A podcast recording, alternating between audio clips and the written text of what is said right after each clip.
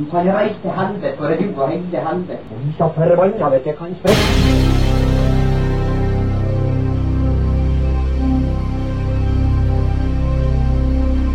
Satan og helvete og idioter.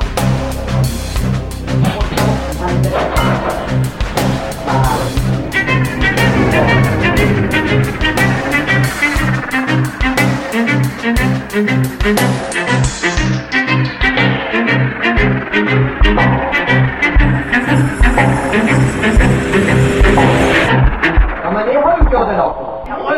ikke hørt noe. Og ny episode.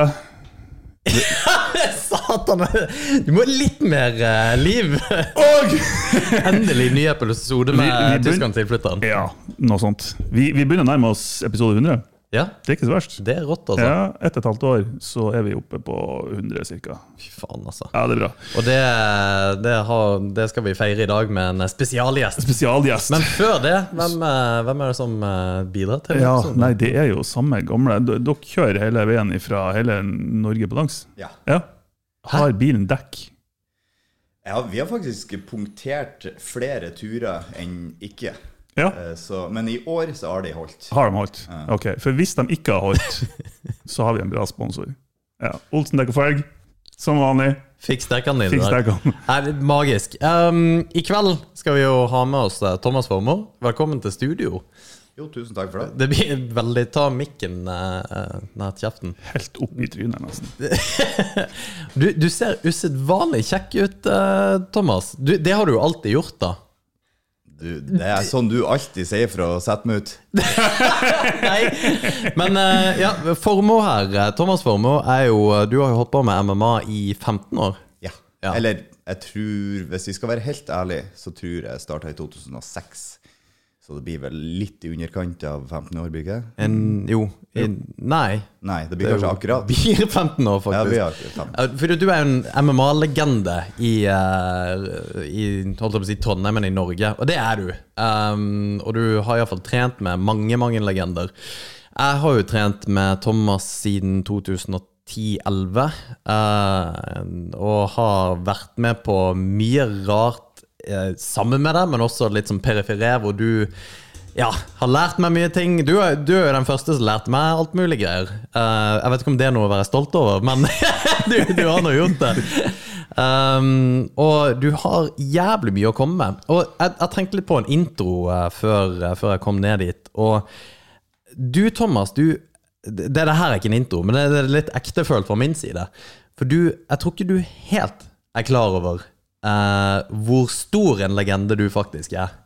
Og jeg, jeg vet det, det er litt sånn der eh, Nå setter jeg deg ut og greier, men du kan så ekstremt mye om faget ditt. Jeg tror kanskje ikke jeg kjenner mange som kan så mye om en spesifikk ting som du kan om kampsport og MMA, og hvor mye du bryr deg også om det. For du, du har hatt en helt sinnssyk effekt på ekstremt mange mennesker. Eh, og det er mye superlativer her, men du, du har jo uh, dratt med folk fra, som har vært uh, halvfeite taxisjåfører og tenkt at ja, herregud, livet har ikke mening, til å faktisk være blant eh, Norges beste MMA-fightere. Det, det er ganske rått, altså. Du, eh, du kan mye, og det tenkte vi skulle grave litt i dag. Ja. Ja vi får bare grave i vei. Jeg er jo ikke helt på samme side som det, men eh, vi, får se hva som finnes inni der. Ja, men Det er jo derfor du er så herlig, fordi at du nekter å innse at du, du er så smart som du er. Ja, jeg tror at eh, med alt man gjør i verden, så, så Man er ingenting alene. Man er kun da man er med det folket man er rundt. Vi alle sammen er et resultat av de eh, vi henger mest rundt. Så hvis jeg gjør det bra, så betyr det at du også og alle andre som jeg har trent med, har vært med og løfta med, og jeg har vært med og løfta dere, at det er egentlig bare et bra team. Jo. Men det er det ikke så mange som tenker. Nei. Nei. Det er ikke det. Nei. Eh, det er mange som tror at eh, Og vi har snakka med det her om kvoter og, og sånne type ting, men det, jeg føler at det er mange som føler at det er en kvote. At jeg, jeg må få mest. og Hvis det er mer til meg, så er det mindre til andre. Og hvis andre får mer, så får min, jeg mindre. Eh, men det som du sier, det, det spesielt det her er jo en teamsport. Du kommer deg ingen vei uten å ha noen å trene i lag med, i det minste. Ja, 100 Jeg har aldri vært den som har vært mest pådriver for MMA heller. Det er jo den andre tullingen. Og hvem, hvem er han andre tullingen? Eh, Emil, eh, Emil Mek. Ja. Så det, jeg, pleier å, jeg pleier å si vi, vi begge har jo, holdt på å si, eh, eh, ting uh, Det er ikke da at jeg er kjedelig og jeg ikke er markedsførbar, og det er ikke da at Emil er dum. Men hvis man skulle ha karakterisert oss, så har kanskje han vært hestekreftene i gamet, og så har jeg vært litt mer rytter. Eh, så, eh, og derfor så tror jeg vi gjorde et bra game. Eh, vi, han var, vi begge var fightere, vi begge var flinke, men han hadde det lille ekstra på én arena, og så hadde jeg kanskje det lille ekstra på en annen arena. Uh, og da, når de utfyller seg så veldig som de gjorde, da, uh, og du tilfeldigvis kanskje de to første eh, personene i Norge som er mer som idrettsfolk som begynner med MMA, så kan man ta eh, rollen som medieyndlinger ganske lett. Men hva mener du med altså, Eller fortell litt om din bakgrunn da som MMA-utøver, for de som ikke har hørt eh, om det. Ja, starta jo jeg, jeg, jeg var i militæret. Egentlig akkurat samme storyen som Emil. Var i militæret på Ørlandet, kjeda oss. Så på uh, Lasta ned UFC på sånn her ulovlig streamingopplegg. Det må du ikke si. Den har jeg jævlig hypp på. det. uh, og så Jeg fikk jo en helt som heter Tito Ortiz. Så mye på han. Flytta til Trondheim. Prøvde å lete etter kampsport. Jeg har alltid vært interessert i kampsport, men uh, aldri hatt tilbudet noen plasser der jeg bodde. bodd. Bodd på mye sånn småplasser. Uh, og så, og så bodde jeg i Trondheim helt alene, og så tenkte jeg faen, nå, nå er jeg på tide å prøve det her. Så jeg meldte meg inn på sportsjiu-jitsu. Så jeg kjøpte min første gi, og jeg fikk meg et gult belte. Ikke kødd med det, for jeg begynte òg med det. Du det gjorde det? Ja. Ja, det. Her sitter vi. Jeg, jeg, og jeg har òg gult belte. Ja, det det. Jeg var gult belte og var med i NM og greier. Tok en femteplass. Det var så seks stykker som var med. Så jeg var ikke så langt unna pallen. Nei, nei, det er rått, altså. Ja. Nei, Og så fant jeg ut at det her er ikke helt greia. For jeg, det, når, du, når, du er, har, når du evner å slå treneren din på trening etter et halvt år med trening, så føler jeg liksom ikke at, uh, at det er så nytteverdig som man skulle ønske. da. Og så prøvde, og så fant jeg ut at de hadde, de hadde på Moholt en sånn kjeller med masse galninger som holdt på med MMA, cage fighting. Og det var mye mer uglesett i den tida der. Det var, det var underground-sport. Og det var, det var tullinger som holdt på med det. Eh, Hvilket årstall var det her, sånn cirka? 2005 tror jeg begynte å, tidlig, altså. ja, å finne ut av de her forumene. For det var forum på internett i den tida. Ja. Så vi skrev på forum om, om MMA, fant gymmet der, og så skulle jeg prøve meg på en sånn trening der. Og det var jo bare kondisjonstrening på sommeren. Sånn kortstokk, kaller jeg det. så det bare slang ut noe kort, og skulle man gjøre øvelser.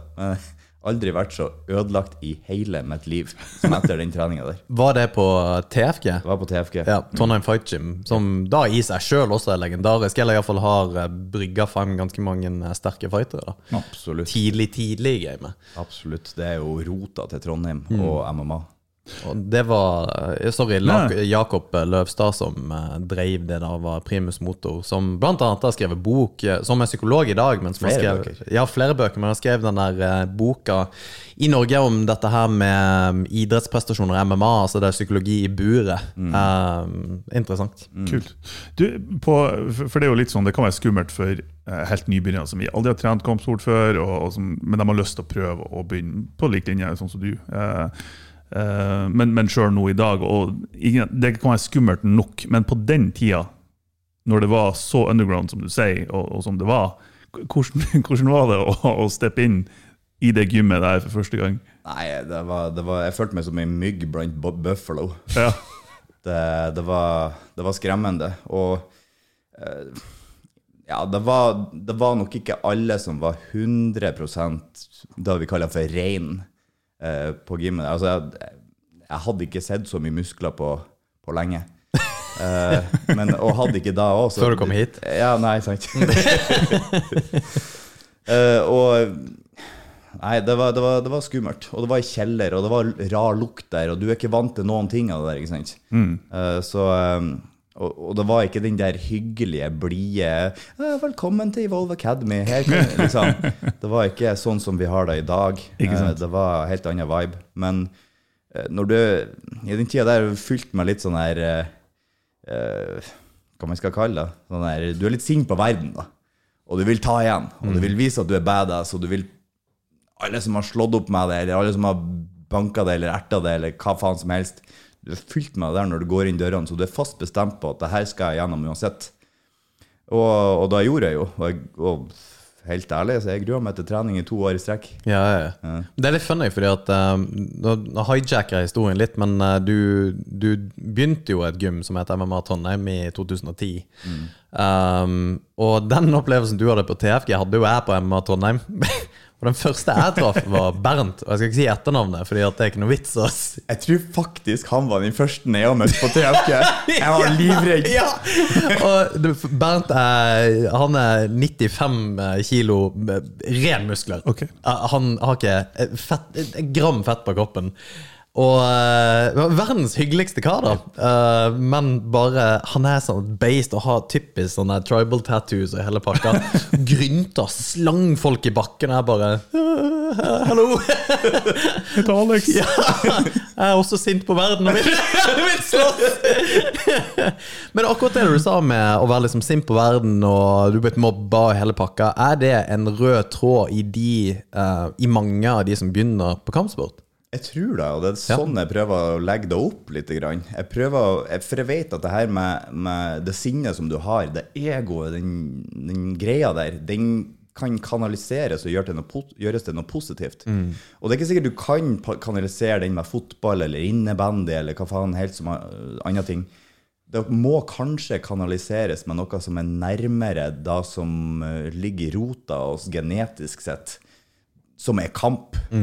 Eh, og, og sånn som det var for meg, så roa det der seg betraktelig. Jo, be, jo flinkere og høyere nivå jeg fant i sporten, så fikk jeg kanalisert den, det sinnet uh, som var inni meg, uh, til noe fornuftig. Som ga meg noe som var bærekraftig over tid. Ga meg kunnskap som Når jeg er 60 år, så kan jeg fortsatt være skummel for en 16-åring. Når jeg er 70 år, så kan jeg sikkert også være skummel. Så uansett hvor skrøpelige vi er, så får vi sånn her sinnssykt old man strength. Ja.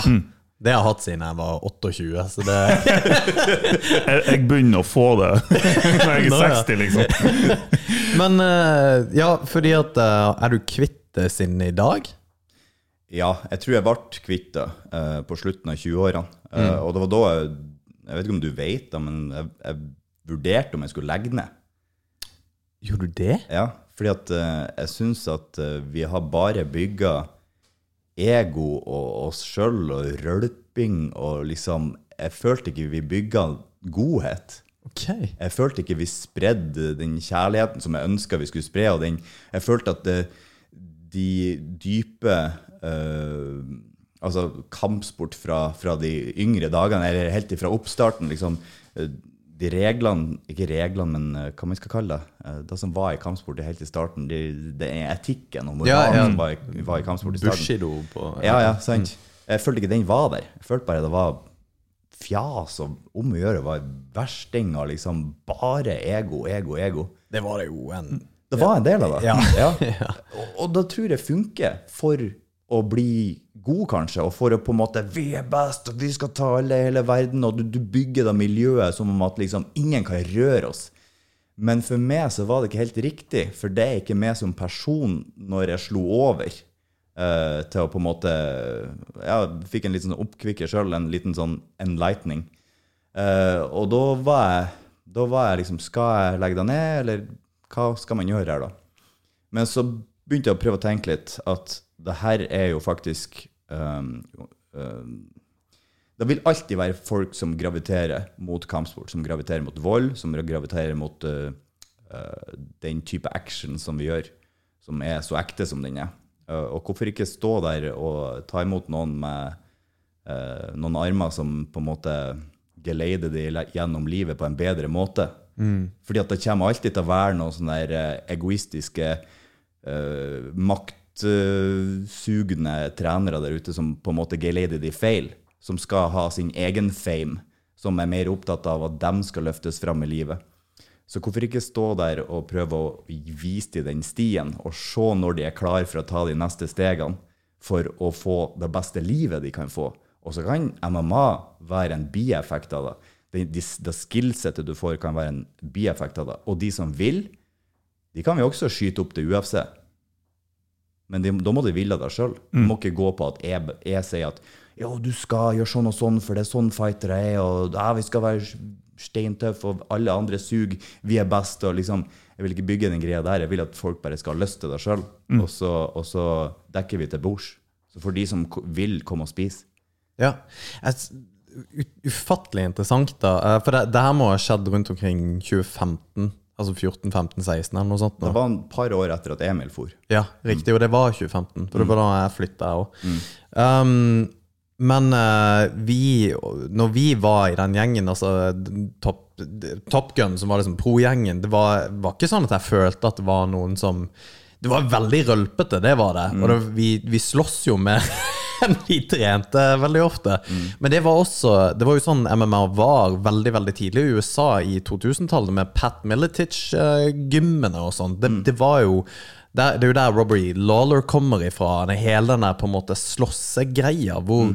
Fordi at det var sinte menn som på en måte måtte få et utløp av en ting, mens det nå er en, mye mer en idrett enn det noensinne har vært. Og, det, og det skjedde vel kanskje i Norge rundt omkring 14 med VM med um, sko, Christian Skogmo, Gard Sagen og Eivind Kjønsvik som dro til VM i MMA, fikk uh, sølv. Det var ikke en kjeft i Norge som snakka om det. det. Og det er helt sinnssykt. Vi prata om det forrige kampod. Og eh, Emil som flytter og på en måte skal begynne å ta det mer seriøst, og, og så begynner den ballen å rulle. da. Um, det, er, det er en interessant på en måte um, evolusjon av MMA. da. 100 Det er en evolusjon, og jeg tror, eh, jeg tror også at på en måte, min evolusjon reflekteres i MMA Norge sin revolusjon. Noen sitter fortsatt fast i, i det egospillet og på en måte skal kjøre den greia der. Og det kan hende det funker for det en stund, men jeg tror ikke det funker i det lengre løp. Jeg tror, eh, jeg tror hvis du hvis du først og fremst går fram og, og bedrer folk sitt liv, så vil du alltid ha et gym som florerer av flere mennesker enn folk som bare skal produsere badass fightere som slåss på gata, som slåss på byen, på barer, i bur og alt mulig sånt der.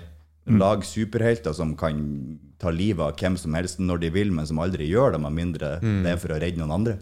Hvor- Hvordan føler du For du, du har jo vært trener i, i lang tid og hatt gym i lang tid. Hvordan har den utviklinga vært egentlig på den tida? Eh, med tanke på hvordan folk det er som kommer inn i gymmet.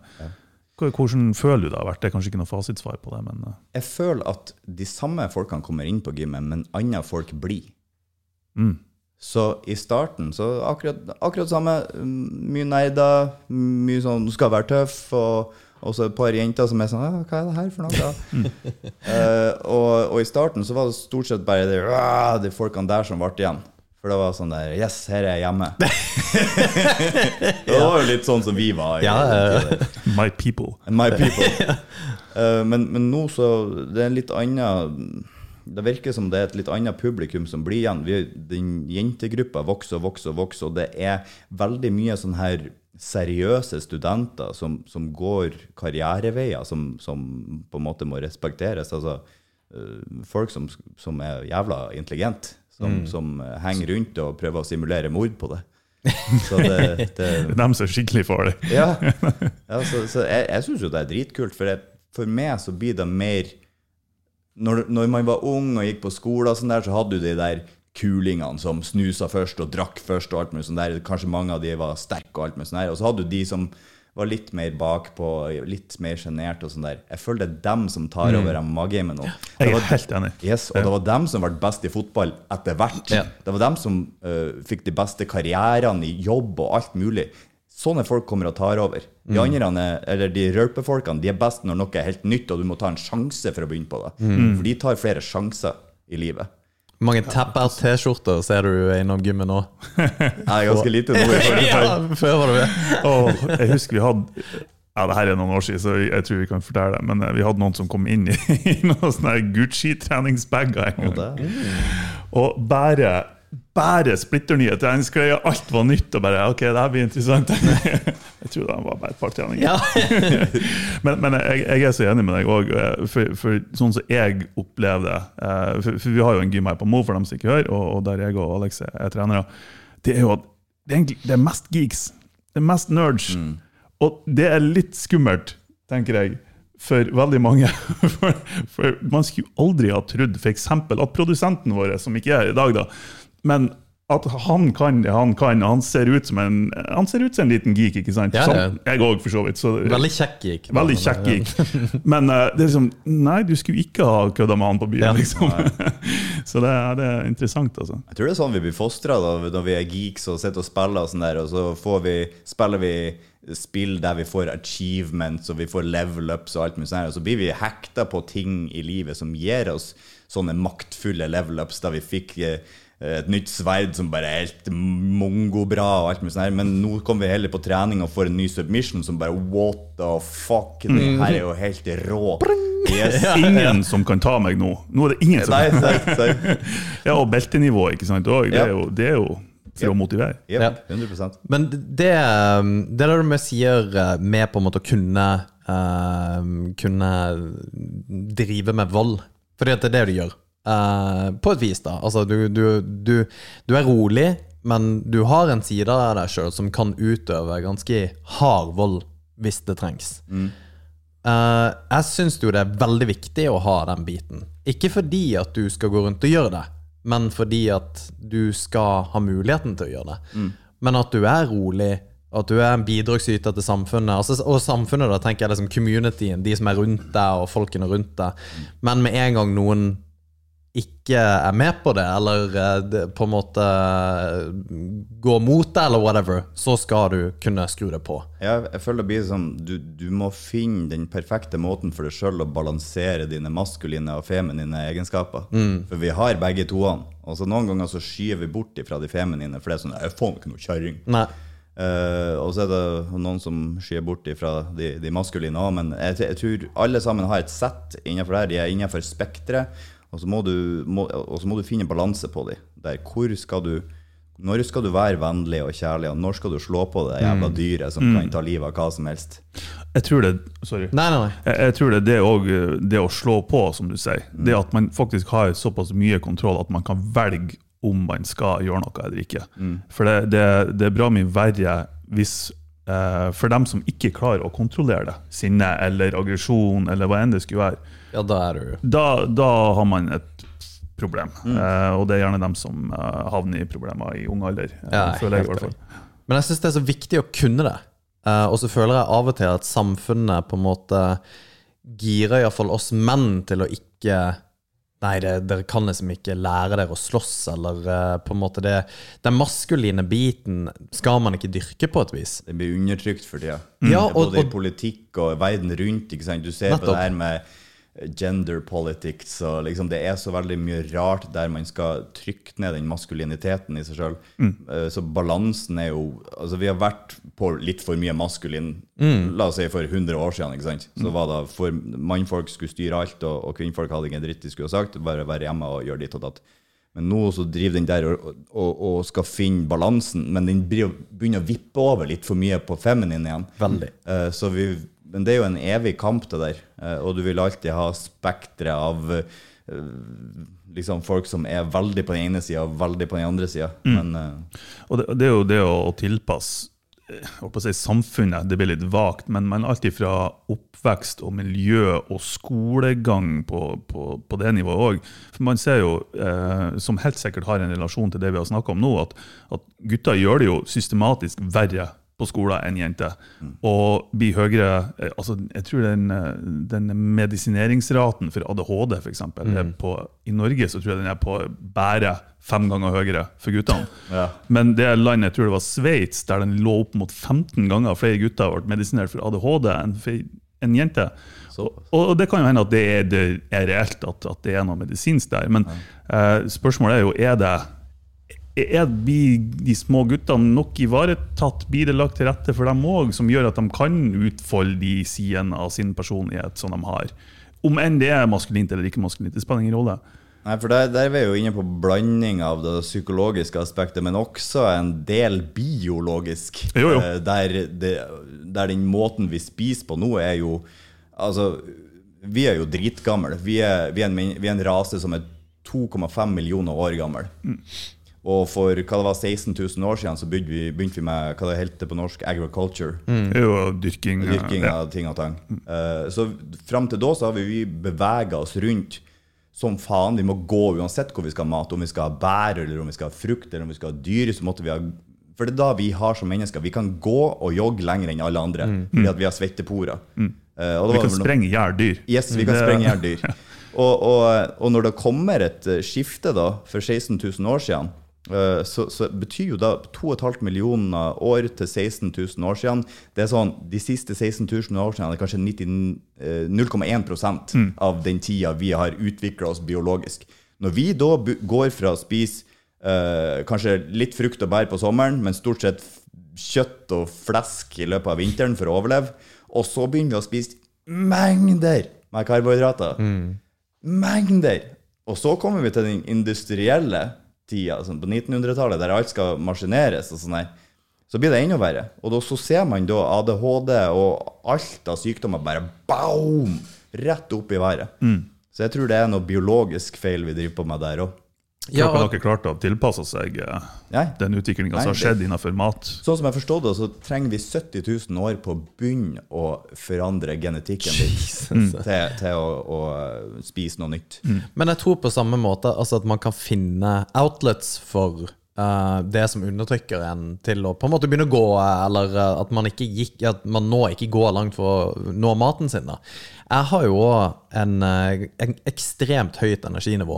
Og før jeg begynte på eh, MMA, for jeg var jo sammen med hun jeg er gift med i dag, på den tidspunktet i forkant, så var du, du var helt umulig å leve med. For jeg var liksom aldri rolig. Men en gang jeg begynte på MMA, så var jeg kjempechill.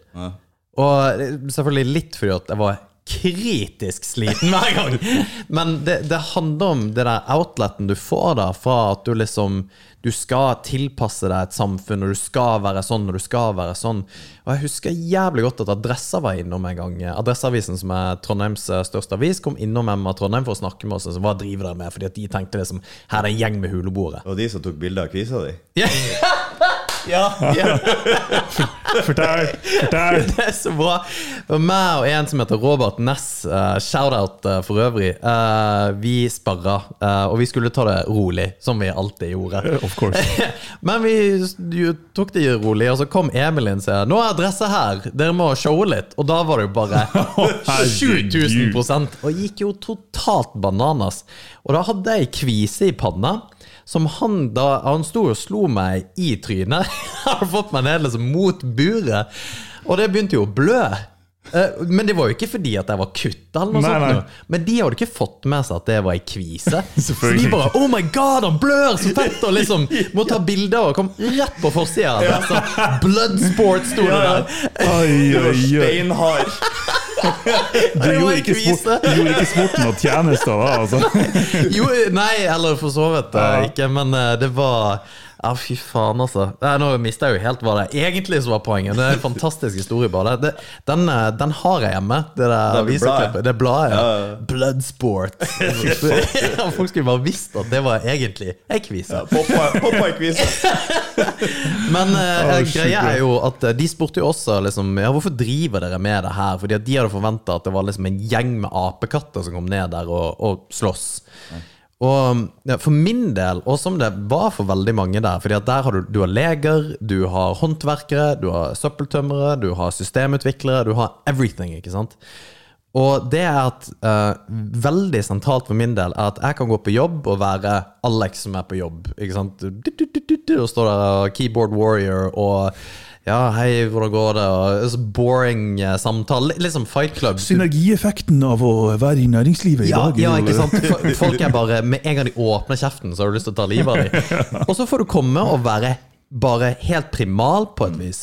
Og du, om det er sunt eller ikke, men det er sunt i uh, trygge omgivelser, som MMA Trondheim og Evolve Academy nå da er. Ja, det, det, det, og der er vi jo tilbake allerede til det du snakka om i stad, at det her med ADHD-en blant uh, mannfolk er så mye høyere enn hos kvinnfolk. Men hva om, hva om det ikke nødvendigvis er ADHD? Hva Jeg tror ikke det er det. Nei, hva om du bare er skapt sånn Gutter skal røre på seg ja. masse! Ja. Så det, jeg føler det er så mye sånn feildiagnose på ADHD. Noe kan være eh, selvfølgelig matvaner og sånn der som gjør at de ikke får kontroll på Fordi at de har brain Eller de tenker ikke klart, og de blir irritert og sint for mindre ting. Og, og Brain fog, ja. ja brain fog. Så de, eh, de blir ansett som at de ikke har kontroll på seg sjøl. Men det kan, være, det kan være med mat. Men i tillegg til da så er det sånn Gutter må springe og bevege seg masse når de er unge. Og noen, eh, noen gutter beveger seg mindre, men de fleste guttene har eh, et utløp for energi som er mye større enn hos kvinnfolk. Og så blir man overraska over at, at de ikke klarer å sitte Ja. i åtte timer på skolen Ja. og følge med Ja, og ha fokus. og tilbake til det der at vi er 2,5 millioner år gamle, og vi er, vi er bygga på at vi skal sprenge for alltid, liksom. Ja. Vi skal, vi skal stå opp, sprenge, og så går vi og legger oss på kvelden igjen. Det er sånn vi overlevde for å komme hit vi er i dag. ja. Og nå har vi 0,1% av tid. Vi skal sitte i ro fra vi står opp til vi uh, går og legger oss. Og vi skal også ha cornflakes med sukker til frokost. Ja.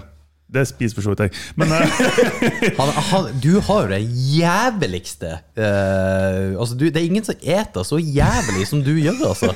ja, altså, når han sier sånn her, så må jeg bare godta det, for det er helt sant. Det er det. Jeg har ingenting jeg skulle ha sagt. Coco Puffs til frokost og og whisky til lunsj omtrent. Men uh, det funker iallfall. Han, eh, det, var en, det er en TED-talk med en eller annen sir Robert something, something. Han hadde en, en, en, et foredrag om skolesystemet og, og, og hvordan det på en måte er feil tilrettelagt. Ikke bare for gutter, men for, for alle, egentlig. Eh, det er jo basert på et arkaisk system der alt skulle være serieprodusert og ja, industri.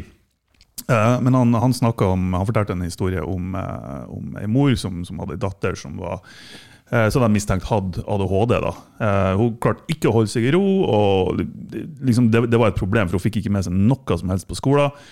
Eh, og og det, var, det var en kjempestor utfordring for familien. Og så eh, var, tok de med den jenta til en, en psykolog, og en sånn skolepsykolog, da, og, og latt jenta eh, være alene på kontoret. Han tok med seg mora ut, og så lot han jenta være alene på kontoret. Eh, for, for at de visste at hun hadde behov for å bevege seg, og liksom, kroppen klarte ikke å være i ro. Så skrudde han på radioen når, rett før eh, de gikk ut, han og mora. da. Og så begynner hun å danse. ikke sant? Og det, det er litt sånn klisjéhistorie, det her. da. Men eh, Og så forteller han etter ti minutter han sitter og ser inn vinduet og ser på dattera som, som danser, at hun, hun er jo ikke sjuk, hun er jo en, dans, hun er en danser. Ja. Ikke sant? Og det er, så, det er så jævlig bra eksempel, og jeg føler at det kan på en måte tilpasses det vi har snakka om nå òg. At det er Jeg føler at det er i stor grad gutter som er gutter, og jenter som er jenter. Og så har du selvfølgelig noen sånne outliers sånn helt på ytterkantene, der, der det kan være behov for medisinering, eller hva enn det skulle være. Men uh, jeg syns det er litt skummelt at uh, man, man finner diagnoser på veldig, veldig mye som jeg mener, basert på min begrensa erfaring, kan være en normaltilstand, egentlig. Ja. Ja, jeg må si at jeg har for så vidt ganske begrensa kunnskap jeg når det kommer til unger. og sånn her.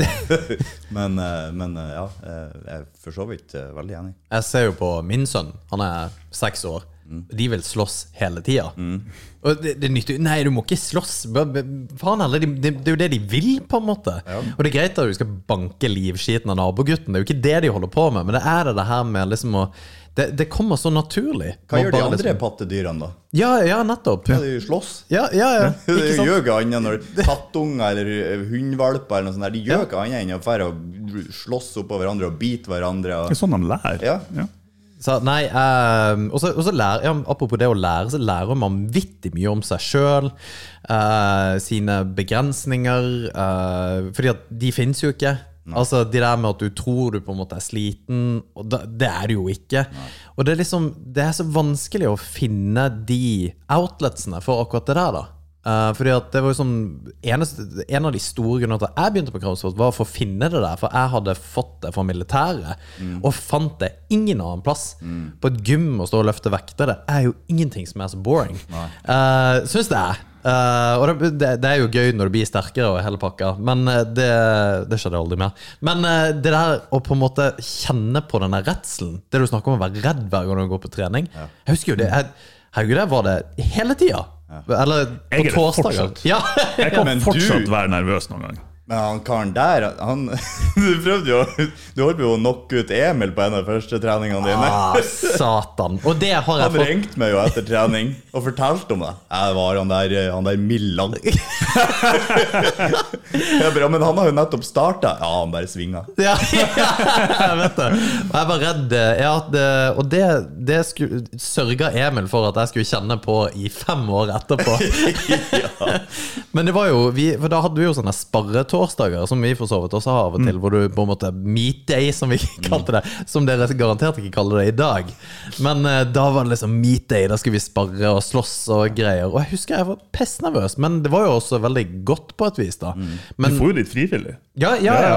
Men det var veldig egoistisk. Det var det. Fordi det var snakk om på en måte seg sjøl, hvordan kan man sjøl nå veggen, eller et eller annet. da Men det har også et vanvittig kameratskap som du ikke finner noen annen plass. Ja, ja. Det, er, det er en fin balanse der, fordi at du kan ikke drive med, med kampsport på høyt nivå uten å trygge egoet. Nei. Men det er hvordan å gjøre det uten at det blir for sånn eh, For Ja, for brutalt og rått for utenomforstående. For det må på et eller annet vis være presentabelt. Det må på en måte uh, utafor rundene uh, blandes litt sammen med samfunn. Ja. Ja, man skal faktisk tilbake ut etter treninga er ferdig. Ja. Ja, og bare mellom runder nå, når det kommer inn nye medlemmer, så må det virke som at man er folk. Hvis ikke så går de ut igjen. ja. Faen. Jeg husker en, Nå skal jeg fortelle en episode. vi hadde, jeg lurer på om det var første, første treninga på et nybegynnerkurs vi hadde. Og Satan òg, altså.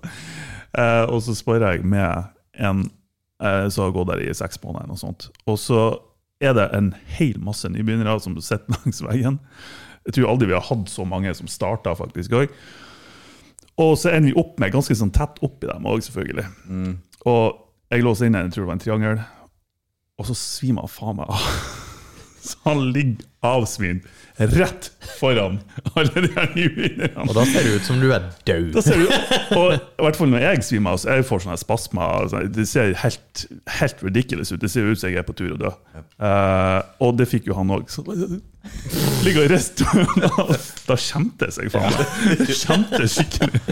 Men det var en digresjon. Men eh, så gærent kan det gå noen ganger. Ja, det har skjedd hos oss også. Ja. Ja, ikke sant? Og sikkert verre. Men uh, hva er recorden din? Mm, I proff så er jeg 3-1. Tre. Ja. Eller, ja, 3-1. Og du Sikkert vel en amatør også, der er 2-0. Jeg tapte én gang i 2008, eh, så gikk jeg tilbake til amatør for jeg skjønte hva MMA var. eh, Og hva proff-MMA var, og jeg skjønte at det er jo ikke i nærheten av det nivået her. Men etter da tapet i 2008, så vant jeg alt fra 2008 til 2014. Eh, egentlig alt. Thaiboksing, MMA, you name it. Steike, altså. Men uh, 2014 var siste kampen. Ja. For det der med forskjellen på amatør og proff, uh, for den er kjempeinteressant. For det er ikke, det er ikke et lite hopp. Vet du hva, jeg er nesten så er litt uenig.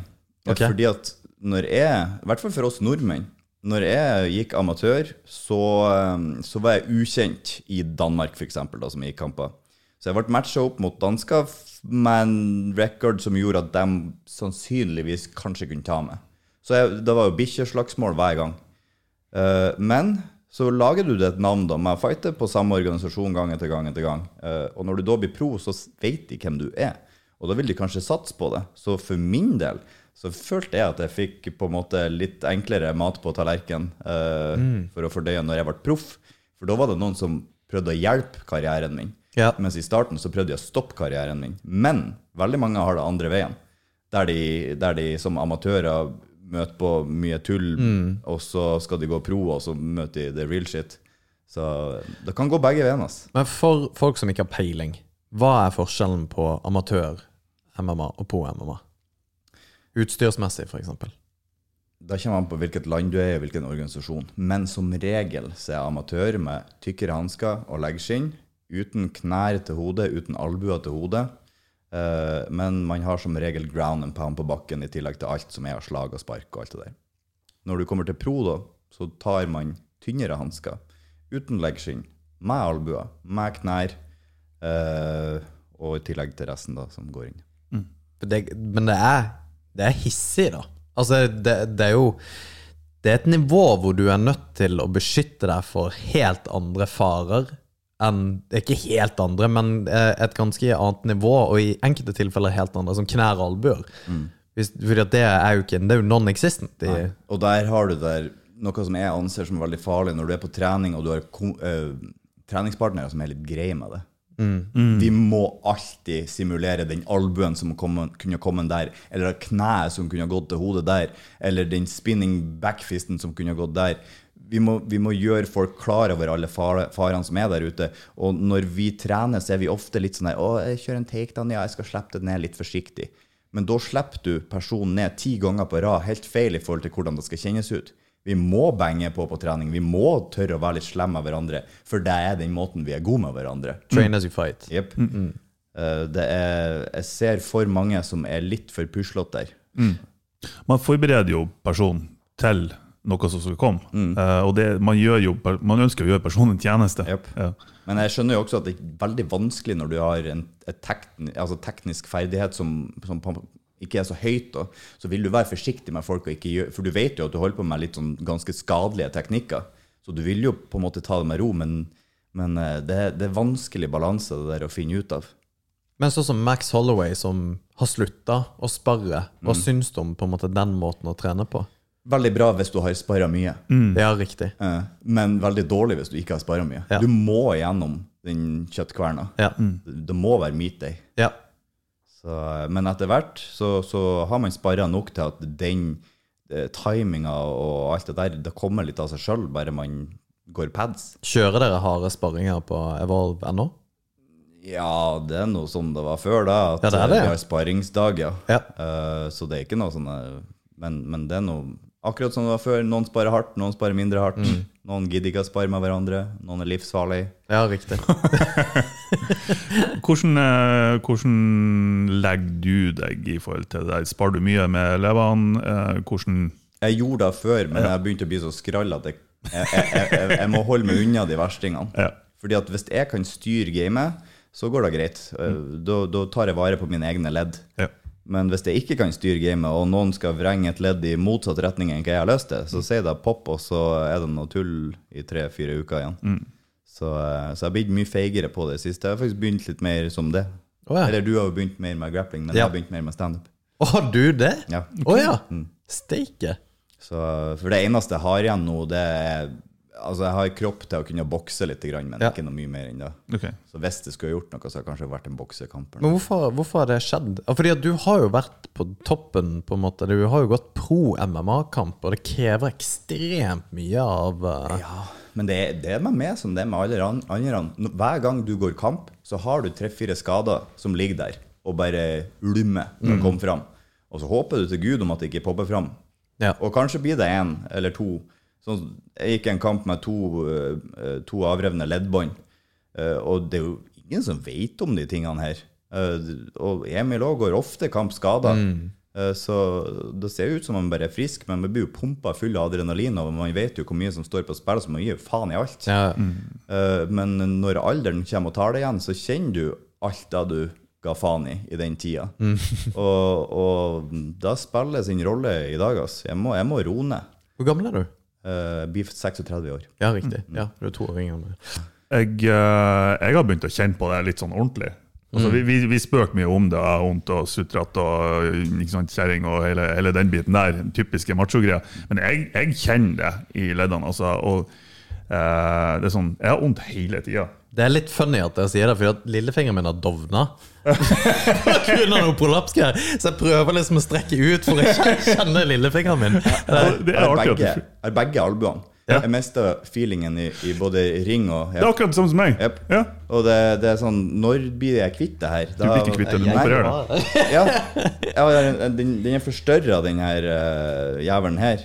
Jeg kan ikke sitte i senga eller ligge i senga og holde mobilen sånn her, Nei. for da mister jeg de der to, og de der to Yes. fingrene blir helt num. Samme her òg. Og, og hvis noen kjører en armbar på meg, og jeg tepper litt seint, så er den mongolid i flere uker. Yep. Så jeg kan ikke ta chins lenger. Nei. Jeg kan, det, det, Skuldra mi, jeg fikk De tok røntgen av skuldra mi, og den er full av brusk. Ja. Eh, rett før og det har jeg sagt mange ganger, eh, rett før jeg og Alex sprang jo eh, sånn ultramaraton, Ja. to dager før løpet starta, så, så, så fikk jeg melding fra legen Du, menisken din er ødelagt.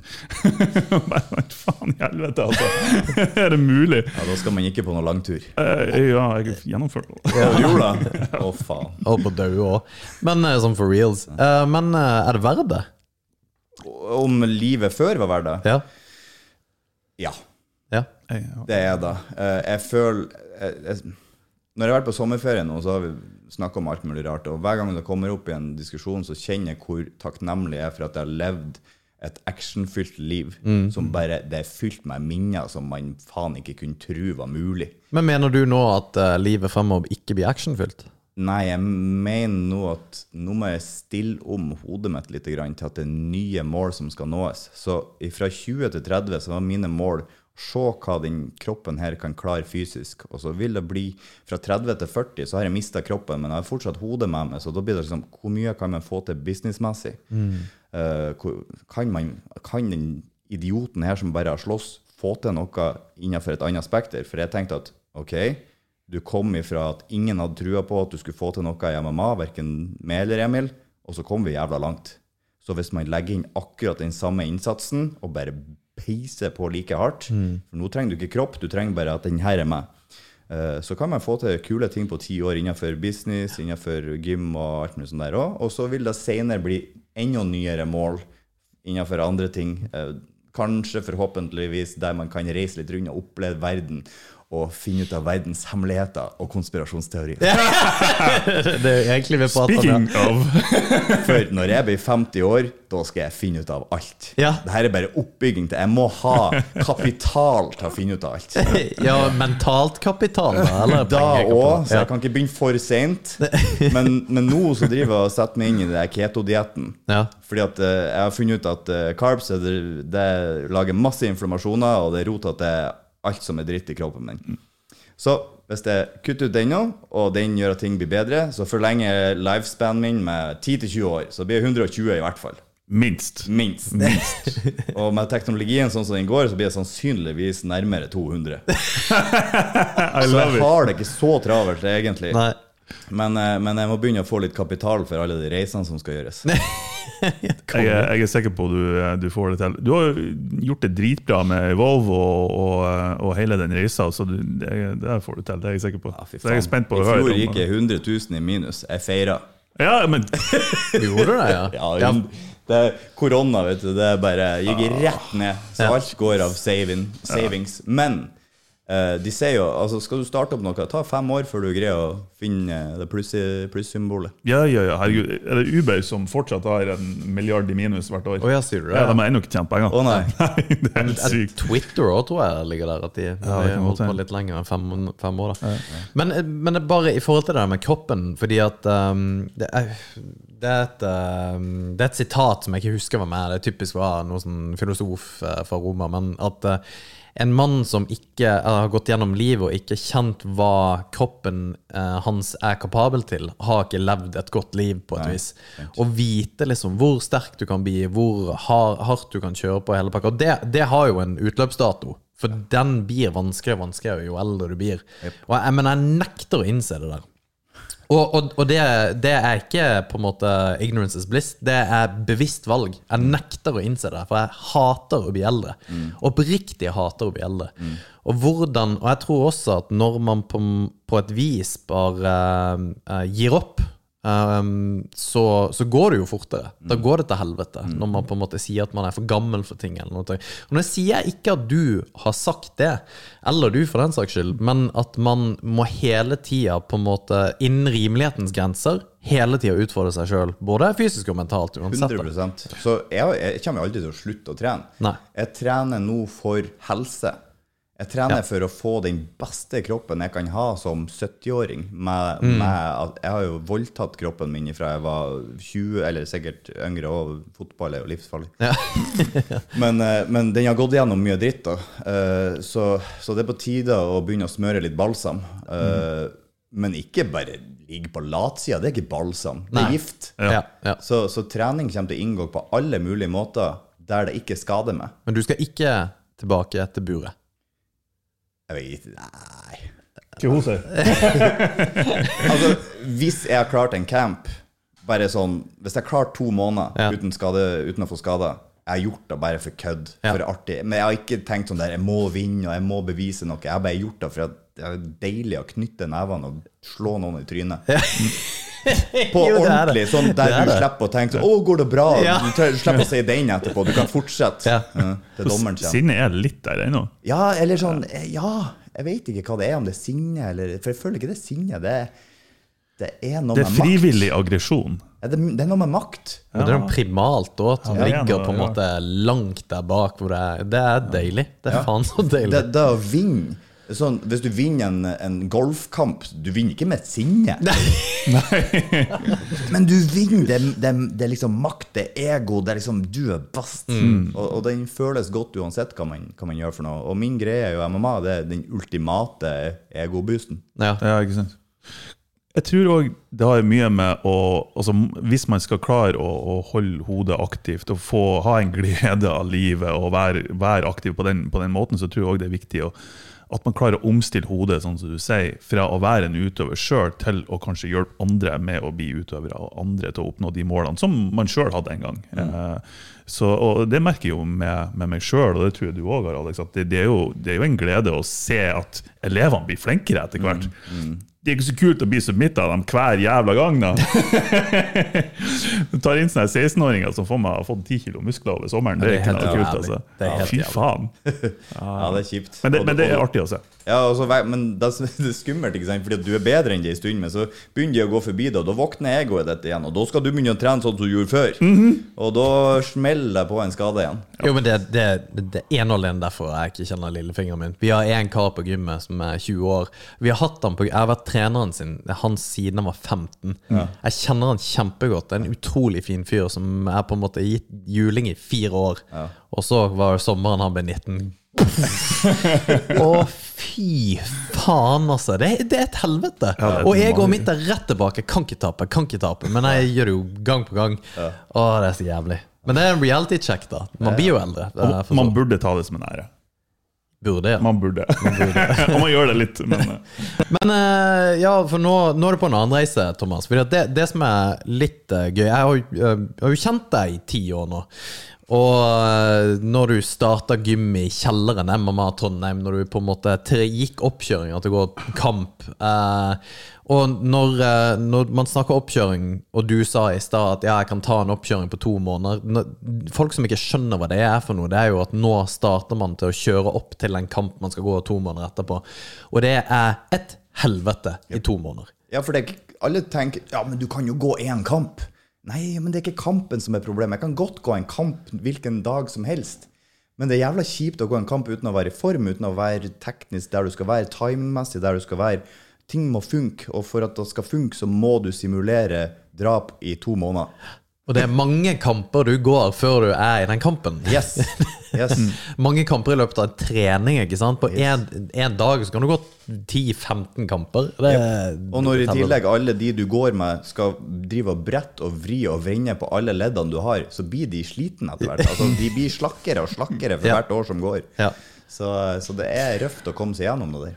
Men det, det jeg skulle si, da, var at uh, du, at det var liksom i begynnelsen av 2010 utover. Uh, og uh, jeg var med når du bytta flytta fra Når vi gikk fra å være en kjeller til å være et stort gym, og på en måte Oi, vi har faktisk mer enn to meter takhøyde her. Og gikk fra å ha en pult hvor du kunne ta imot folk, og liksom alle de stegene. Du, du har jo aldri slutta. Um, nå har du Du tok over ett lokale som ble litt større, sånn at det var to eh, lokaler, og så tok dere ett til, så at det hadde en treningsplass. Altså, det, det er en vanvittig vekst som, eh, som en fra utsida som har sett hvordan det var i kjelleren da, på Lade, til nå er helt sinnssykt. Og du har definitivt klart det. Det var sånn Martin sa, du, du, du har gjort det. Um, og så har du også sjøl hatt en reise, for jeg har vært med hvor du og Emil har dratt liksom på togturer ned til Danmark og eh, slåss i bur hvor Hells Angels har stått rundt og drukket øl og sett på. Og til nå hvor du for ikke så lenge siden var en måned i USA med Emil, som reiser fra kone, nyfødt barn, du reiser fra kjæreste Altså det, To, to måneder. Hæ? To måneder. To måneder? Ok, ja. Han var der nesten Jeg tror han var et halvt år. Ja, ja, det var det vi fant ut av. Men eh, det, det er jo Du er en helt annen plass nå eh, enn det det var 2010. Det er jo alle, for så vidt. Men det er ganske merkbart. Jeg husker veldig godt når det skjedde. For det var rundt 20 Det må ha vært når du fant ut at du kanskje skulle slutte, da. I 2015-ish. For at du har jo vært oppe her på Mo og hjulpet oss eh, siden jeg, ja, før jeg flytta, men også siden jeg flytta. Så vi har hatt det nesten hver sommer. Så har jeg prata med deg de somrene. Og jeg husker veldig godt når begynte, vi begynte å prate om bøker du har lest, og bøker du hører på og greier. Og du tar jo denne MMA-greia 'jeg skal vinne, jeg skal i krigen', og så tar du det til 'jeg skal lese så mye som overhodet mulig', og på en måte kunne mest mulig. Og det er kjipt når du ikke kan å lese noe særlig godt. Ja, hvorfor kan du ikke det? Nei, jeg har aldri fått til å lese. Nei, men lydbøker og greier Yes. jo Ja. Så når jeg fant ut Jeg fant ut Oi, jeg får faktisk til å ta inn informasjon her. her. Og da var det ikke før etter MMA-karrieren. Og så tenkte jeg Ok, for jeg har alltid gått på Jeg sa det i sted, jeg har alltid gått på det her. Du er en resultat av de du omringer deg med. Eh, Du, ingen av oss er oss sjøl. Vi har tatt noe fra alle rundt oss. Eh, så jeg, da jeg tenker ok, jeg må omringe meg med noen av de smarteste i verden, for jeg er fette dum. Så hvis jeg har noen som er dritsmart rundt meg, så må det smitte over. Så jeg pløya gjennom over 100 bøker på to år, tror jeg. Og da begynte en ny evolusjon. Da begynte jeg å forstå verden på en annen måte. Jeg forsto økonomi bedre, jeg forsto eh, samfunn, altså samfunnsskap eller politikk og alt mulig sånt. Jeg forsto alt mye bedre. Jeg forsto hvordan verden hengte sammen. Og da får du helt nye meninger. Da er du ikke det kjøttstykket som du var før, med bare ja, jeg stemmer på, på det partiet som tillater MMA. Ja. ja. Da er du litt mer nyansert. Så, så det, absolutt. Det, altså, det skjedde akkurat der du sa. eh, Og etter det, det, det er sikkert en 200 bøker nå. Det roa det litt ned. Etter, nå bruker jeg litt tid med frøken nå. Som er her, for øvrig. Ja. Sånn, Men jeg tvinger henne til å sitte og høre på lydbok med meg fra Bodø og hit. Du, hvordan, eh, hvordan er veien eh, fremover for Thomas? Hva er, det, hva er det du har i For to år siden så sa jeg til guttene på Top Gun at ok, fem år til har dere. Emil klarte det på seks år. Noen av dere har vært der allerede i seks år. Dere har fem år til. Jeg skal gi dere alt jeg har. Eh, og det er tre år igjen til.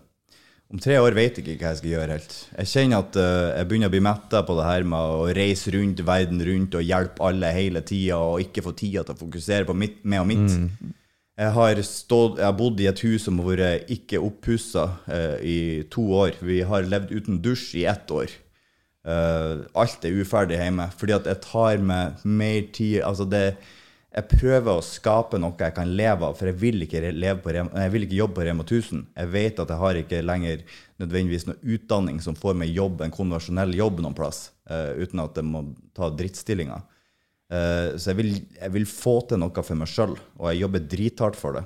Uh, men jeg kjenner jeg begynner å bli sliten, jeg kjenner jeg begynner å bli eldre, jeg kjenner jeg begynner å bli der at jeg kan ikke henge med guttene som virkelig vil til UFC lenger. Jeg kan hjelpe opp folk, men det kommer til en stopp der.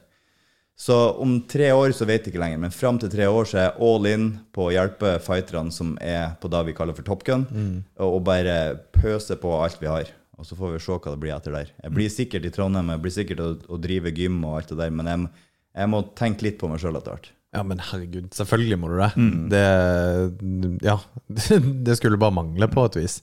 Men du har jo hjulpet såpass mange opp eh, frem til nå. Eh, For jeg husker når du la det ut, for du la det ut at eh, For det var etter du hadde vært med Emil, tror jeg, i USA eh, sist gang. Og dette her er liksom last run, da. Eh, Men fem år er jo ganske lenge for en last run uansett, da. Ja. Men det er ikke så lenge når covid kommer og tar ett Nei, nei, og et halvt til to år. Da er det plutselig bare tre år igjen. Ja, og det, og det er klart um, Det skal mye til på en måte å løfte folk. Og jeg har jo sett også de treningspartnerne som jeg hadde, og jeg har jo vært trenere for de som etter hvert har gitt seg, uh, på et vis for, for karrierenivået i MMA. da Uh, Gard som var der, uh, du har Andreas Wallum nå, som alle på en måte trener fortsatt, men ikke på en måte skal ikke dit.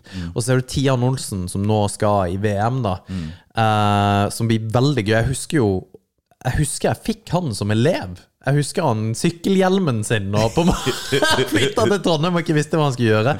Og nå er han en badass, og det er utrolig gøy å se. Og de har du på en måte dratt med, da. Ja. Det er folk som har binda seg til den, den viben som finnes på MMA Trondheim eller Evolve Academy. da. Uh, og, og den viben passer for noen, og den passer ikke for noen, men, men for noen så er det livet. Eh, og det er unektelig å se da at folk som har starta, står mye bedre i dag. Personlig, psykologisk, eh, materialistisk også i form til kroppen deres og hvordan de ser ut, hvordan de føler seg og alt sånt der. Så, så, så det er en startgrop for hvem som helst, og du vil ikke få noe annet enn positive egenskaper ut av det, og positive minner og vennskap og skills og altså det, det anbefales jo for absolutt alle. Ja. Jeg, jeg har ikke hørt noen som noen gang har sagt at de har angra på at de har begynt med kampsport, Nei. f.eks. Det ikke det- Jeg har aldri hørt noen som sier at 'nei, det skulle jeg aldri ha gjort'. Ja, kasta bort masse år på å gjøre det. Nei, jeg skulle ikke ha gjort det. altså. Nei. Nei, det har jeg ikke. Men uh, til disse konspirasjonsgreiene konspirasjonsgreiene dine, Thomas, er jo kjempeartig. For du Hva er det som er hot for tida? Hot? Ja. Jeg må ærlig innrømme, jeg har datt litt av toget. Har det, er, det? er så mye nå. ja. Og så, og så Altså, Før så var det morsomt med konspirasjonsteorier, fordi at verden var så normal, følte jeg da. Ja. At liksom, jeg må, jeg må grave litt dypt for å finne litt sånn Ja. Nå er verden så fucked up at Alt det er er så liksom fucka at det er nok konspirasjonsteorier i dag som er ekte i dag. ja, ikke sant? Liksom, hvor kom det jævla viruset ifra, og hva sa Trump? Og liksom, alt, alt sies at det er en konspirasjonsteori, men i dag så virker det som det like gjerne kan være sant. Som, hva er en konspirasjonsteori? Når starter det? Hvor er grensa på ikke-konspirasjon og en konspirasjon? ja. Jeg, jeg aner ikke lenger. Nei. Før så var det veldig klar linje. Jeg satt på YouTube og det her er en konspirasjonsteori. Ja. Men nå så er det sånn der Ja, er det, er det ikke Men syns du YouTube er en reell uh, kilde for informasjon? YouTube, det er jo som verden. Ja. Og verden er en reell kilde for informasjon, men den er fylt av piss òg. Ja. Så det er jo sånn som alt annet her i verden. Du kan finne gull på YouTube. Du kan finne de smarteste menneskene som finnes der ute. På samme måte som hvem som helst kan gi ut en bok, det kan stå piss i den, eller det kan stå gull i den. Mm.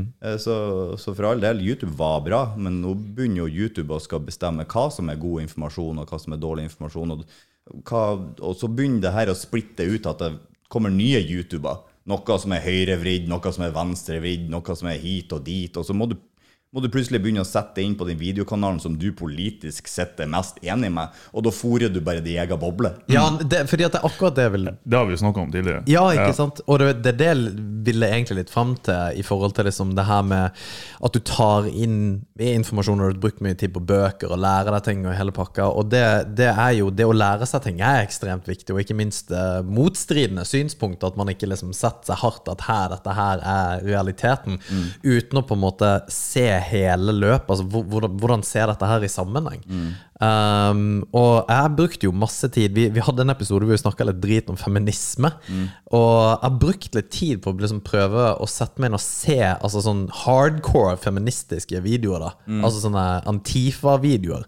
Um, jeg sliter med å komme gjennom det, men det er fordi at mine politiske syn da er ikke nødvendigvis eh, Ja, eh, vi er ikke helt enige, da. Det er beundringsverdig at du faktisk sitter og tar deg tida til det der. Jo, men jeg, jeg må, ikke sant? Ja. Fordi at hvis ikke så blir du en sånn her Du bare spyr ut det noe du har hørt eh, Og veldig mye i vår, vårt miljø, altså kampsportmiljø, så er jo Eddie Bravo Bare han sier noe, så er det på en måte Plutselig er 70% av alle de som driver med BI, er flat earthers, Ja, ikke ja. sant? Yep. Og, og, og det der med kildekritikk er ekstremt viktig. Ja. Eh, og det høres ut som du på en måte har tenkt litt på det, eller i hvert fall bruker litt tid på. Ja, men det går begge veiene. fordi jeg føler at kildekritikk er like viktig andre veien. Og setter du det og leser Ja, det er det. Altså, Som alt. jeg er noe Jeg er på ingen måte noe akademiker. Og det her med kildekritikk kritikk og, og på en måte Jeg har slurva på masse av de tingene her. Men når jeg ser på verden i det store og det hele bildet, så er det veldig klart og tydelig for meg at det her kan like gjerne være korrupt. At penger kan styre verden, det er ikke noe hemmelighet. At Nei, det kan det. finnes folk som har slue planer som går utafor det gode for alle, det er heller ingen hemmelighet. Hvordan alt er sydd sammen, det er jo ingen som vet. Mm. Men at, å tro at det er politikere og alt mulig sånn her som på en måte er de høyeste styresmaktene Nei, jeg Ja, vil ikke nei, det er jeg enig i. Det- Jeg tror at pengene styrer gamet. Eh, Det er kapitalisme vi lever i. Det er ei boble som vokser og vokser og vokser, og vokser, og den kan ikke vokse evig, fordi at den er ikke uh, den Sustainable. Den er ikke sustainable i, over lengre tid. Hva skal skje her? Uh, vi er overbefolka. Vi driver og skylder på global oppvarming. Uh, men hadde vært global oppvarming hvis vi hadde vært normalt antall på jorda. Eh, hadde, vi, eh, hadde matindustrien vært sånn som den har vært hvis vi hadde vært et normalt antall? Hva er et normalt antall? Et normalt antall er vel et antall der eh, La oss si vi går tilbake fem, for 500 år siden, der vi greide å leve av vårt eget land. Ja. Hvis du bodde på Værøy ute i Lofoten, så levde du av fisk og fugl. Ja. Hvis du bodde i Grong i Nord-Trøndelag, så levde du av elg og, og laks i elva. Eh, men, men nå så er ikke da bærekraftig for hele verden. Vi er for mange til at alle kan få en vill laks, en vill elg, en vill hva som helst. Eh, Men hvis du kan ete mukk eh, som på en måte gir Eller som Solvent, da. Har du hørt om Solvent? Det var en gjeng med systemutviklere i Silicon Valley som, lag, som holdt på liksom å lage apper eller koder. Og så måtte de Syns de var så jævlig kjedelig å ete, så de laga bare en sånn her uh, Du har hørt om Solvent? Ja, whatever. Soylent. Soylent, unnskyld. Soylent, det Soylent som det Ja, Jesus. Soylent, ja. Uh, og da var det på en måte en shake som inneholdt alt det du trengte for å på en måte livnære deg i løpet av en dag. da. Det var liksom en shake. Det kunne du ta. Og hvis du da greier å livnære deg på det, og det er bærekraftig miljømessig Men det var jo da vi gjorde 16 000 år siden, når vi, når vi, når vi, mod, øh, når vi genmodifisert, genmodifisert øh, kornene. Ja. Vi, vi gikk ifra at et korn hadde Ja, ja, ja. en så lang stilk, og så var den der øh, på enden så var det nesten ingen korn. Men Ja. det var da vi, Og så genmodifiserte det til at det var fuckings korn hele veien opp. ja. Og på veien her da, så har vi jo gjort det sånn at vi kan være mange flere på jordkloden. Ja. Fordi at vi hadde, hadde jordbruk og alt det her. Eh, men vi er tilbake til da at vi er ikke evolusjon, evolusjonsmessig tilpassa det her ennå. At vi skal spise 90% karbohydrater og så små mengder av litt fett og, og, og eh, proteiner. Eh, jeg, tror, jeg tror ikke det går. Jeg tror ikke det er bærekraftig. Så da jeg tror det er bærekraftig, og det her er skummelt, men da jeg tror det er bærekraftig, det er at man går tilbake fuckings 500 år. Ok. Og man lever av det som finnes i Mo i Rana, og man lever av det som finnes på Værøy. Ja, for da har man jo ikke den velstanden man er Ikke i det hele tatt. Um, barnedøden er høyere. Yep. Uh, ja. Hva som skjer da? Da tar vi vare på gener som overlever. Og ja, the strongest, uh, strongest De sterkeste overlever, da. Ja, eller det vil jo ikke nødvendigvis bli så ille, fordi at nå har vi kommet på en teknologisk plattform der vi kan ta med oss en del teknologi tilbake i tid. Ja. Så la oss si du tar med deg hydrogenteknologien, du tar med deg en del teknologier som ikke har noe som helst uh, skade på samfunn eller noe som helst. Men hvis du tar med deg McDonald's, Burger King og Subway, og du tar med deg på en måte alt det som bygger kulturen vår i dag, som er, er grunnen til det vi spiser, som er grunnen til uh, medisinindustrien. Alt det her på en måte er et system som liksom Du spiser det her sånn at du skal bli syk med det her, sånn at du kan behandle sykdommen med det her. Sånn at du fortsetter å behandle sykdommen med det her og det her og det her. Og så driver du egentlig bare og fjerner røyk, men det er ennå et bål i bunnen. Ja. Det er sånn jeg ser på det. Ja, fordi det er jo diktatorer gjennom historien som også har sett på det som Pol Pot, for eksempel, Ja. i uh, Kambodsja. Tenkte jo også vi skulle tilbake i tida hvor det bare var eh, gjetere.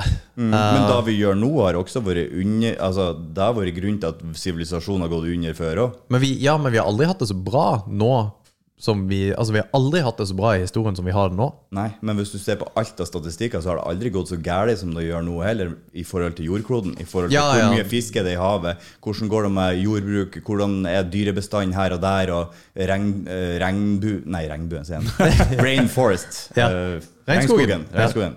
Eh, Så liksom, alt daler jo nedover fordi at vi overkonsumerer. Fordi at vi er kapitalistisk samfunn. Ja. Fordi at vi, vi må bygge. Du må ha flere unger, og du må ha flere unger, og jeg må ha flere unger. Fordi at de skal spise mer, sånn at de skal livnære eh, matindustri, eh, medisinindustri osv. osv. Det kan aldri stoppe, det må ekspandere. Ja. Hva skjer når det, hva skjer når det stopper? Hva skjer hvis vi alle sammen begynner å faste? Hvis vi alle sammen liksom spiser én dag hver sjuende dag, altså du spiser på søndag eller noe sånt her, da går matindustrien boom. Men da gjør også medisinindustrien boom.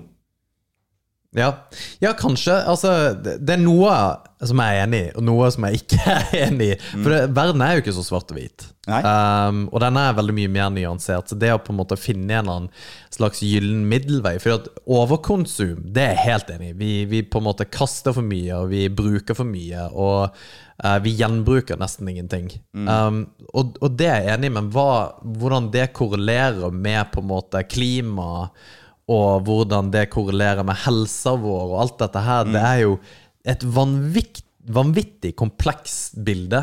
100 uh, som er vanskelig å på en måte finne et svar på, da. Ja, men det er også vanskelig å finne svar på det når det er så mye penger inne i spill som skal skyve agendaen Ja, det, og det er for så vidt enig. Så vi vet jo ingenting. Vi er bare pans Altså, vi er bonder Mm. i forhold til de som er high rollers, high rollers i, i, det, i det her. Og vi kan mene så mye vi vil, men vi sitter på informasjon som er null i forhold til dem som sitter på informasjon. Men hva slags type informasjon er det du Sorry.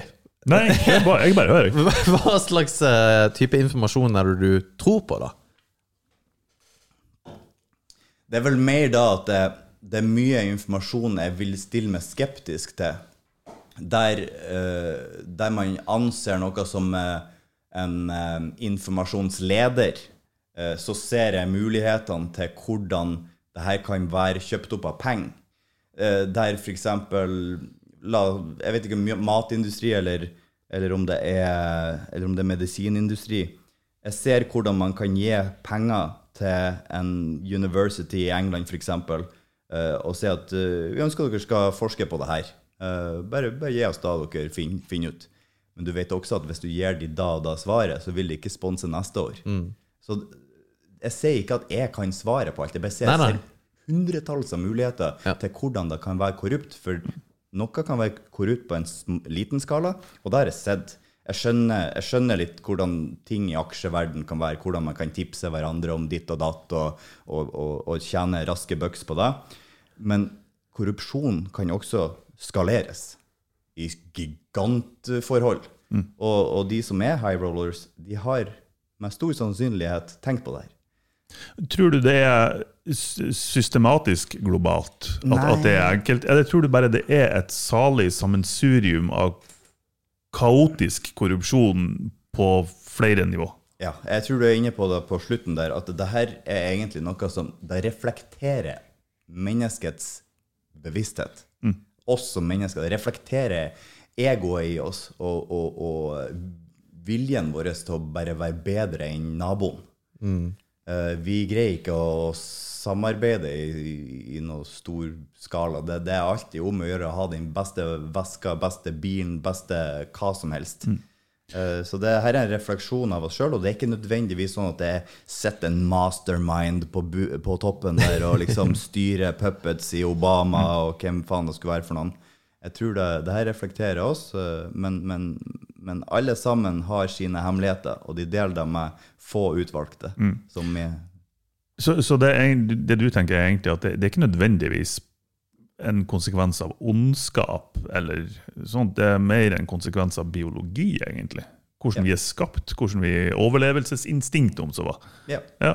det, Nei, men Den er jeg for så vidt uh, enig i, at uh, det kan påvirke mye. Det, altså det, det er jo bare å se på overvekt, for faen. Mm. Altså, vi er jo skapt til å konsumere det vi kan av energi fordi det var begrensa med Yes. kalorier Yes. for 16 000 år siden. Yes. Mens nå, når vi har uendelig med mat og kalorier og karbohydrater, som for så vidt er jævlig godt, eh, så, så, så klarer vi jo ikke å stoppe. Vi har jo et fedmeproblem i verden som er helt innsides. Og så er det morsomt òg at de riktige type kalorier eh, som du virkelig har lyst på, sånn som fruktose, alt som er i bær og frukt og sånn der, da vil du spise mye av.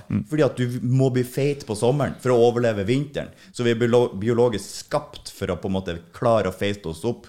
Vi klarer ikke å spise like mye proteiner og fett. Du sitter og spiser proteiner og fett til middag. Ah, fy faen, jeg er matt, ass. Men har du en dessert på, på slutten der, ja, ja, hiv deg på! og, så, og, og så fruktose har jo en kjempegod egenskap, da, at den lar oss overkonsumere sånn at vi skal overleve en vinter. Men, eh, men eh, nå er det ikke vinter lenger. Det har, det har aldri vært vinter på mange herrens år. Vi spiser konstant.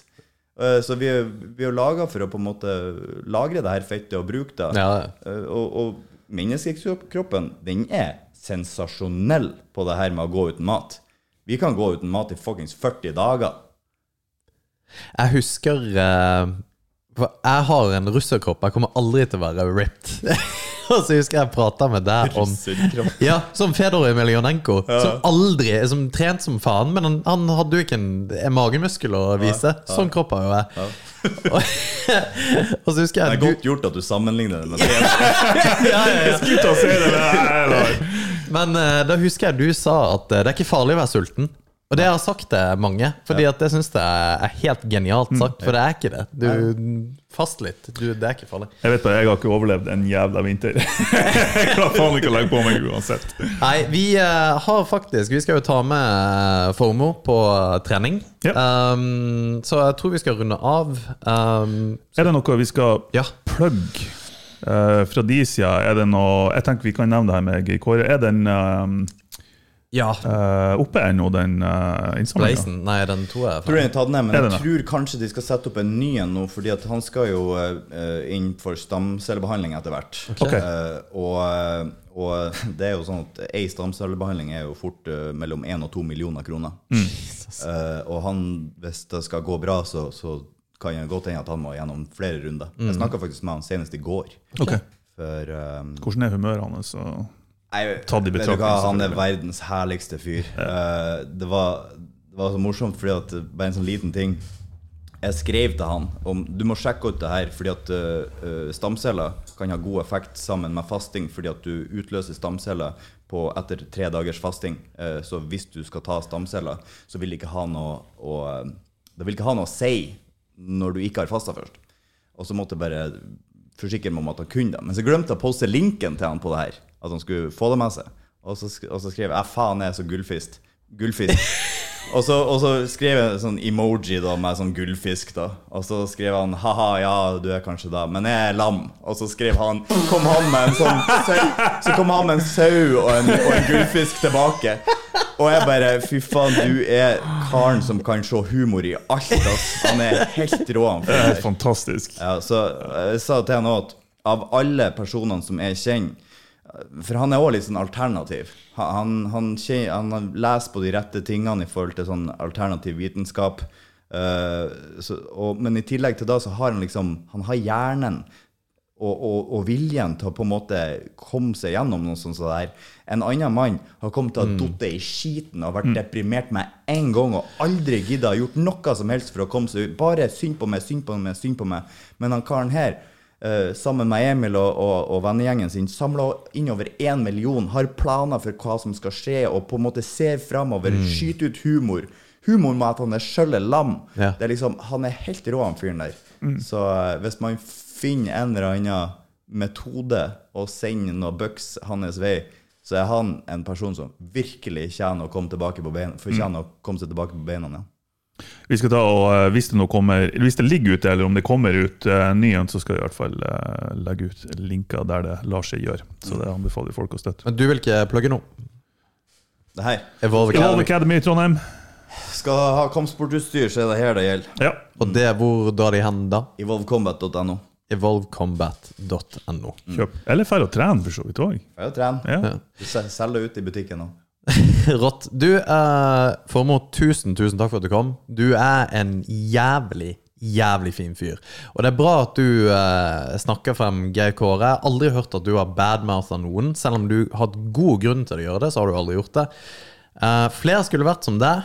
Eh, på både det ene og det andre. Uh, og det Jeg er veldig glad for at jeg kjenner det. Her har vi grunnen til at jeg trives så godt i Mo i Rana. Grunnen til at jeg vil komme tilbake hver sommer. Så jeg skal bare få føle det her. Ta det Ta deg inn på nytt. Det er et år siden sist jeg hørte det her. Man kan flire om det, men faen meg medlemmene i klubben vår òg. Hver gang vi sier at, eh, at Thomas skal komme, så de gleder seg virkelig. Ja. For de, de syns det er en fornøyelse nå der å holde seminar. Og, og, Jeg setter ja. virkelig pris på det. Kom, nå må vi eh, banke hverandre. Right. Takk for i dag. Ha det bra. Hei.